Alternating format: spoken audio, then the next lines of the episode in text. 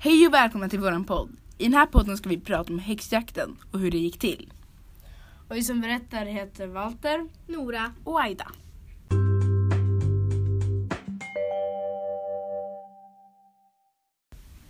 Nora, kan du säga mig när och var startade häxjakterna? Jo, runt 1400-talet började det. Häxjakternas höjdpunkt i Europa var 1450 till 1750. Genom den tiden av- avrättades 30 000 så kallade häxor på bål. 300 av de avrättades i Sverige. Man började skylla på kloka gummor när en ko dog eller skörden gick dåligt. Under förhör kunde vittnen säga att de sett häxor rida på en kvast med ett barn på väg till Blåkulla där de hade hånat Gud och Jesus tillsammans med djävulen. 1484 gav påven tillåtelse att avrätta så kallade häxor.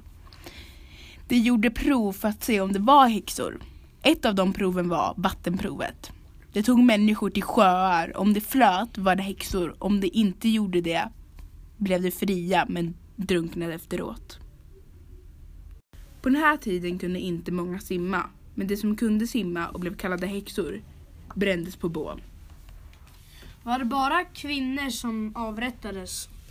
Nej, det fanns, nej, det fanns även män, fast oftast var det eh, vanligast med kvinnor. Första juni 1675 var det största häxbålet i, i Sveriges historia.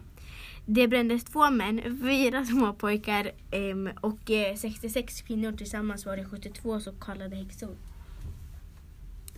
Det fanns två munkar som gjorde en instruktionsbok om tips hur man skulle upptäcka häxor. Det var även de som kom på vattenprovet.